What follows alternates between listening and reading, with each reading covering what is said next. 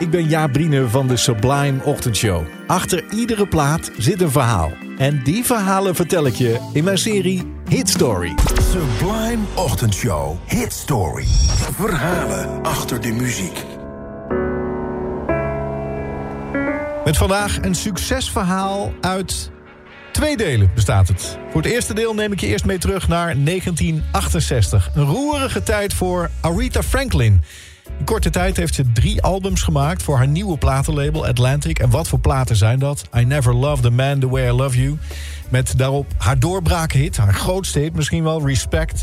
En ook het album Lady Soul met uh, Chain of Fools erop... en You Make Me Feel Like a Natural Woman.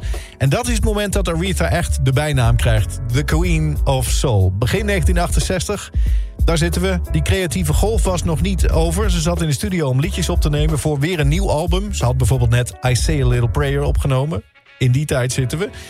En ook Think. Een nummer dat ze schreef samen met uh, Ted White. Ik weet niet of die naam je wat zegt, maar dat was haar man. Maar ook haar manager.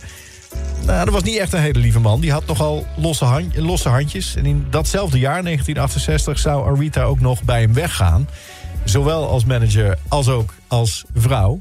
Ehm, in de tekst van Think hoor je het ook al een beetje aankomen. Think about what you're trying to do to me. Het was misschien wel stiekem een beetje aan hem gericht... hoewel ze het met hem zelf schreef. En die woorden freedom, freedom...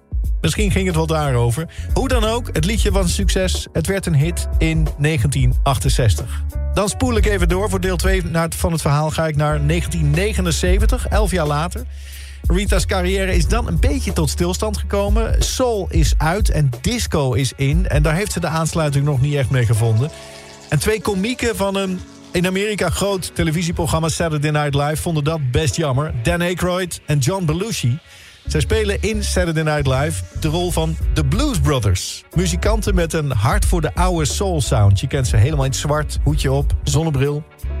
En zij wilden graag een film maken rond die karakters, de Blues Brothers. En daarin wilden ze dan al die muzikale helden van ze een rol geven. Dus ze belden met Ray Charles en met James Brown en met John Lee Hooker. En Dan, Dan Aykroyd wilde dan per se ook dat Aretha Franklin mee kwam spelen. En ze hadden een rol voor haar bedacht als serveerster... in zo'n soul kitchen diner met van die bankjes. Je ziet het voor je. Terwijl ze dan Think zou zingen. Nou, Aretha zei ja, hoewel ze wel verbaasd was dat ze dan Think moest gaan zingen. Want ze had dan toch gedacht, waarom dan niet Respect? Want dat was toch mijn grootste hit. Een paar dagen voordat die scène zou worden opgenomen... wandelt ze binnen in een beroemde studio in Chicago. De studio waar vroeger alle platen van een label Chess werden opgenomen. En daar had de Blues Brothers Band al de muziek ingespeeld... voor een nieuwe versie van Think. En die band, grote namen hoor die band. Steve Cropper, Donald Dunn, mannen van Booker T en de MG's... die al zoveel beroemde soulplaten hadden gespeeld. En Arita luistert naar de muziek en zegt... ja, ik vind het leuk, maar die piano vind ik niet zo goed. Dus ze liep naar de piano in de studio, ging zitten... en speelde de partij even opnieuw in... zoals zij vond dat die moest klinken. En dat was de versie die je uiteindelijk in de film hoort.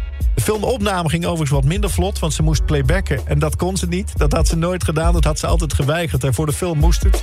Maar Dan Aykroyd vond het niet erg, want hij mocht iedere keer weer dansen met zijn muzikale heldin. Aretha Franklin, die ook piano speelt dus en zingt in deze versie van Think.